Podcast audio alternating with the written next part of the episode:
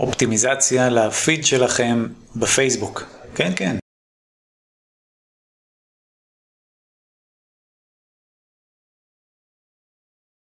טוב, אז, אז אולי זה יישמע קצת אה, מתנשא ומלמעלה כזה, אבל אני חושב שכל אחד מאיתנו צריך לעשות מעין אופטימיזציה לפיד שלו בפייסבוק ובכלל ברשתות. ולמה הכוונה? הרבה מאיתנו מבלים שם חלק ניכר מהזמן שלנו במהלך היום, ועם הזמן רוב הסיכויים שהצטברו לכם שם פיד של אנשים שאתם לא מכירים, לא זוכרים מי הם בכלל, לא מעניינים אתכם כל כך, או בכלל לא. וזה לא רק אנשים, גם עמודים עסקיים, קבוצות ודברים כאלה. עכשיו זאת שאלה אם בכלל לבזבז את הזמן על רשתות כמו פייסבוק, או לסגור את זה לצמיתות, או להשתמש בזה רק לצרכי עבודה. אבל בהנחה שאתם, כמו רוב האנשים, אתם לא תסגרו את חשבון הפייסבוק שלכם לגמרי, תמשיכו לגלול ולבזבז לא מעט זמן במצטבר על שהייה בפייסבוק, לכן אתם רוצים גם שפייסבוק ייתן לכם משהו בתמורה. ואז אומר שאתם צריכים לשים לב טוב טוב אחרי מי אתם עוקבים ובכלל מי הסביבה הדיגיטלית שלכם, אוקיי? רובנו מבלים חלק ניכר מהיום בסביבה דיגיטלית, בכל מיני רשתות חברתיות. אם כבר בואו נמנף את הזמן הזה שאנחנו ככה מושקעים לטובתנו. ואז זה אומר שכדאי לכם מאוד לעקוב אחרי אנשים שהם, שאפשר ללמוד מהם משהו, סוג של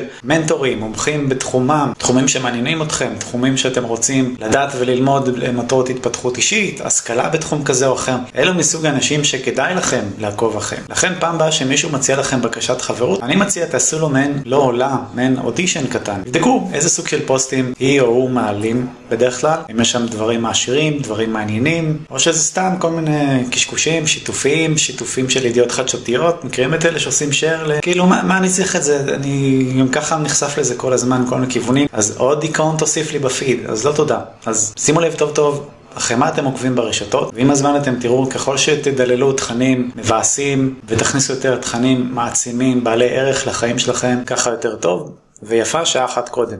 בהצלחה.